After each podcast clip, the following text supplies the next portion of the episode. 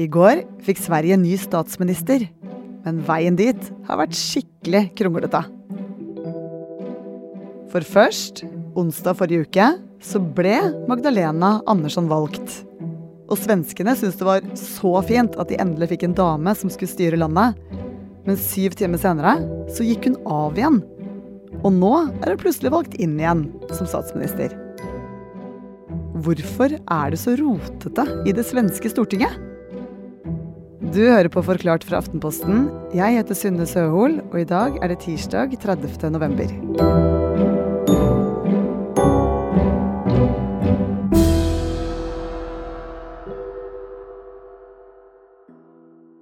Ingeborg Mo, du er journalist her i Aftenposten og har bl.a. skrevet mye om svensk politikk.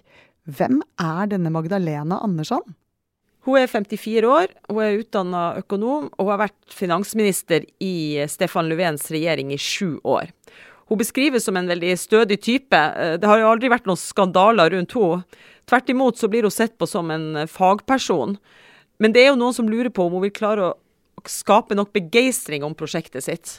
Og hvorfor eh, skulle hun bli statsminister akkurat nå? Stefan Löfven har jo vært statsminister i sju år, og neste år er det valg. I august i år så sa han at uh, nå var det på tide å gi seg. Det kom egentlig som en overraskelse at han ga seg nå, men han begrunna det med at det ville være bra å få inn ny energi og nytt mannskap før valget, som er neste år. Og de fleste pekte da med en gang på Magdalena Andersson som etterfølger. Siden jeg ble valgt til eh, partileder for Sosialdemokratene, er det veldig mange mammer og papper som har kommet fram til meg med sine døtre og sagt at titta det her er eller kan bli Sveriges neste første kvinnliga statsminister. Og det er klart, når man tittar i øynene på de her flickorna och merker at det vokser en tanke der. Egentlig så skulle man jo tro at det å gjøre Magdalena Andersson til statsminister i Sverige var en ganske enkel sak, for hun skulle jo steppe inn for Stefan Löfven og på mange måter lede samme regjering. Men så ble det altså bare kaos. Ja, for kaos har det jo virkelig blitt. Hva er det vi trenger å forstå for å skjønne hva som gikk galt? Altså, det er ikke bare vi nordmenn som sliter med å henge med. Jeg tror også mange svensker var skikkelig forvirra i forrige uke. Men for å forstå det, så må man ha to tanker i hodet samtidig. For det ene handler om noe som har utvikla seg over tid. Det andre er at det skjedde flere ting etter hverandre på en og samme dag, som skapte en slags dominoeffekt som ingen hadde forutsett. Og For å forstå denne dominoeffekten må vi først vite litt om svensk politikk. I dag styres landet av to partier. Sosialdemokraterne og Miljøpartiet. I tillegg sitter partiet fra alle fløyer i Riksdagen, altså Sveriges storting. Og ett av disse partiene er det partiet som har skapt splittelser og krangler nemlig Sverigedemokraterna.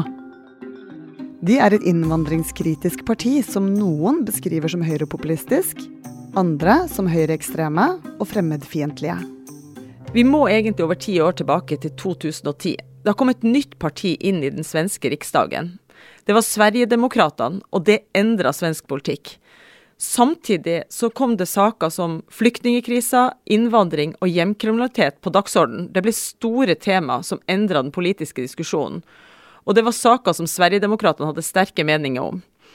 Så, i 2018, så var det valg, og da ble Sverigedemokraterna det tredje største partiet i Riksdagen. Men ingen ville samarbeide i partiet, iallfall inntil ganske nylig. Og det er med på å forklare det vi har sett den siste uka. For det skapte en nasjonalforsamling der ingen hadde flertall. Ja, Hva skjedde da, da? Det som skjedde var at det tok fire måneder før Sverige fikk en ny regjering. Og enden på visa var at to partier som egentlig hører til på blå side, støtta da ei arbeiderpartiregjering i Sverige. Ok, så ingen vil leke med Sverigedemokraterna. Og derfor samarbeider borgerlige partier heller med Sosialdemokraterne enn med det høyrepopulistiske partiet. Men når høyre- og venstresiden skal samarbeide, da blir det rot.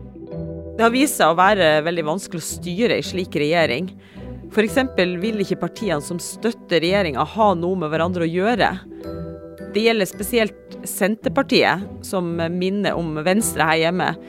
De har satt som eh, vilkår at det sosialistiske venstrepartiet ikke skal få noen innflytelse. Men nå har det her sosialistiske venstrepartiet fått nok av å bli holdt utenfor.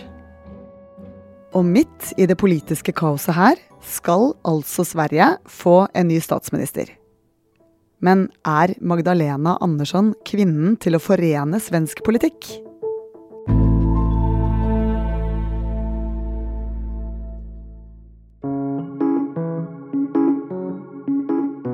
I begynnelsen av november ble Magdalena Andersson valgt til partileder for Sosialdemokratene.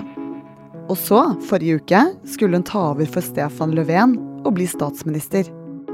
Og for at det skulle skje, måtte hun bli godkjent av Riksdagen gjennom en avstemning. I Sverige så har man ei avstemning i Riksdagen når det kommer en ny statsminister. Og han eller hun må unngå å få et flertall mot seg. Altså Hun måtte unngå at 175 eller flere av de folkevalgte stemte mot henne. Og det gikk med et nødskrik. 174 stemte imot henne, og 174 stemte for henne eller avsto fra å stemme. Og så var én borte. Dermed var hun valgt. Så hvis den ene personen hadde vært der og stemt mot og blitt 175, så hadde hun ikke blitt valgt? Ja. Men den ene personen som ikke var der, var fra Venstrepartiet og ville sannsynligvis ikke ha stemt mot henne. Men gleden blir kortvarig. For samme dag kommer en ny og dramatisk vending. Ja, Samme dag som Magdalena Andersson skulle bli valgt til statsminister, så skulle også Sveriges statsbudsjett vedtas. Det er ikke vanlig at det skjer samme dag. Og det er her ting begynner å rakne for Andersson. Det er uvanlig å gjennomføre to så viktige avstemninger på én og samme dag. Og det hadde de nok ikke gjort hvis de visste hvilket kaos det ville utløse. Det er der alle disse hendelsene kommer inn, som vi snakka om i starten. For å sikre at hun ble valgt til statsminister, så hadde Magdalena Andersson snakka med det sosialistiske Venstrepartiet. Og Man skulle tro at det partiet som ligger et sted mellom SV og Rødt her hjemme, kanskje automatisk ville gi støtte til en sosialdemokratisk statsminister. Men partiet var lei av å bli tatt for gitt, og stilte krav for å stemme henne fram som statsminister. Kvelden før hun skulle bli valgt, så inngikk Magdalena Andersson en avtale med dette sosialistiske venstrepartiet om å gi mer penger til minstepensjonister. Ja, var det noen partier som reagerte på det? Ja, det var det Senterpartiet reagerte på, og de innkalte da til en pressekonferanse samme morgen. De er jo et borgerlig, liberalt parti som ligner litt på Venstre her hjemme. Og de vil hindre at Venstrepartiet, som er på ytterste venstre fløy, og at Sverigedemokraterna på ytterste høyre fløy får noen som helst innflytelse. Og det som var overraskelsen, var da at Annie Løv, som er partileder i Senterpartiet, sa at hun ville støtte at Magdalena Andersson ble statsminister, men hun ville ikke støtte regjeringas budsjett, som skulle vedtas samme ettermiddag, for hun mente det var blitt for venstrevridd. Oi, OK. Eh, men hva eh, gjør de da? Det som skjedde, var at regjeringa ikke fikk flertall for sitt forslag til statsbudsjett. Isteden så ble et alternativt budsjettforslag som de borgerlige partiene, inkludert Sverigedemokraterna, hadde blitt enige om, det fikk flest stemmer. Og det var første gang at Sverigedemokraterna var med på et slikt felles budsjettforslag. Så for dem var det en veldig stor seier at dette budsjettforslaget faktisk fikk flertall. Så opposisjonens, altså de borgerlige partienes budsjett, er det som nå skal gjelde for uh, den sittende regjeringen. Hvordan reagerer uh, den rød-grønne regjeringen på det? Ja vel, Magdalena Andersson sa at hun kunne regjere selv om budsjettet hennes ikke ble vedtatt. Men hun, hun innrømmer jo at det kosta. Det betyr f.eks. at den ekstra ferieuka som sosialdemokratene hadde lova barnefamilier, ble skrota. Det betydde skattekutt og billigere bensin. Og det vanlige er jo at en regjering går av hvis de ikke får budsjettet sitt igjennom. Men Magdalena Andersson var opptatt av å si at det meste av budsjettet hennes lå fast. Det som hadde skjedd, var noen omrokeringer på ja, en god del milliarder kroner. Men det som ble den store overraskelsen, var at regjeringspartneren deres, Miljøpartiet, ikke så det på samme måten. De ville ikke gå med på å regjere med et budsjett som opposisjonen hadde fått igjennom. Ok, så oppsummert så blir Senterpartiet så misfornøyde med det statsbudsjettet at de stemmer imot, og budsjettet får ikke nok stemmer. Men et nytt budsjettforslag fra de borgerlige partiene, og bl.a. Sverigedemokraterna, som ikke er i regjering, det får flertall. Og da koker det over for noen.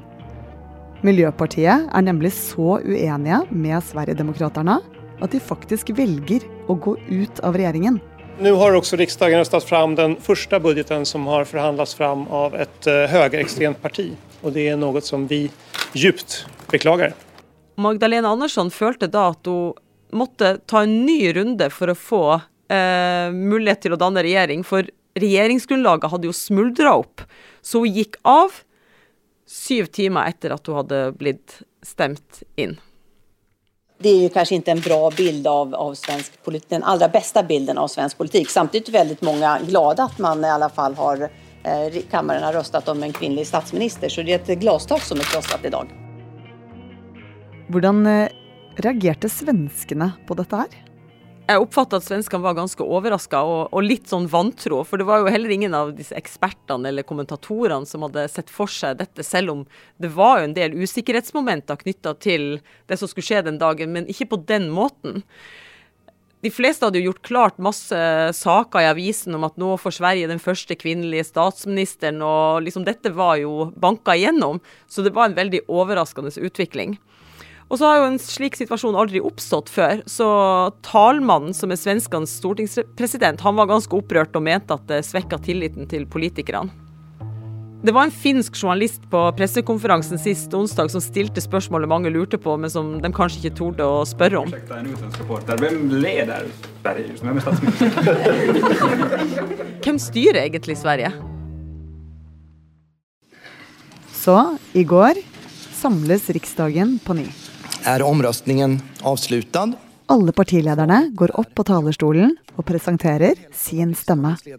Og så har kammeren godkjent forslaget til å utse Magdalena Andersson til statsminister. Magdalena Andersson blir valgt til Sveriges nye statsminister for andre gang.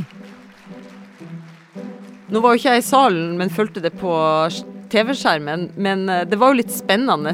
For eh, selv om de fleste forventa at det ville gå veien for Magdalena Andersson, så skal det jo så lite til for å bikke situasjonen den ene eller den andre veien. Men nå er hun valgt, og er svenskene letta nå, tror du? Nå er det iallfall sikkert. De har fått sin første kvinnelige statsminister.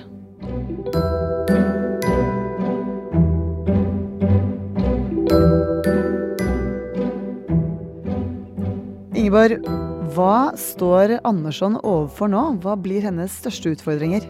Fordelen nå er at hun leder ren sosialdemokratisk regjering, som jo kan være enklere enn å lede en koalisjon. Men regjeringa er jo veldig svak, for den har jo bare 28% av velgerne bak seg. Og situasjonen i Riksdagen er ikke forandra. Så hun må nok hente støtte her og der for å få gjennomført politikken sin. Og så må hun også skrote en del valgløfter og gjennomføre en del borgerlig politikk, som jo bl.a. Sverigedemokraterna tar som en to, stor seier. Så spørsmålet er om hun har nok tid før valget neste år til å markere seg, få gjennom politikken. Og så er det jo en del store problemstillinger som hun har lova at hun skal prøve å løse, og som er vanskelig. Bl.a. gjengkriminaliteten, som skaper overskrift i Sverige hver eneste dag. Hvilke andre saker er det hun må jobbe med nå? Hun har jo lova å ruste opp helsevesenet. Altså Pandemien har jo avdekket det veldig store svakheter i den svenske eldreomsorgen.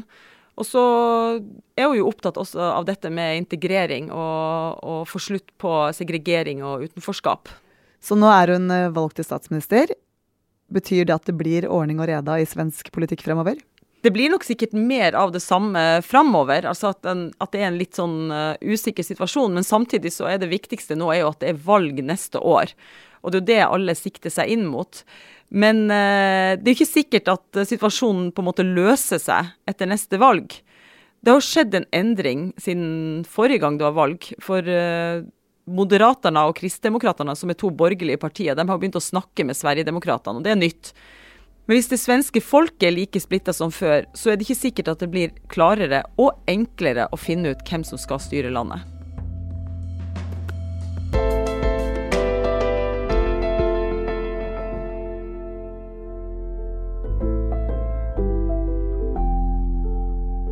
Takk til Ingeborg Moe, som hjalp oss med å forstå det svenske kaoset.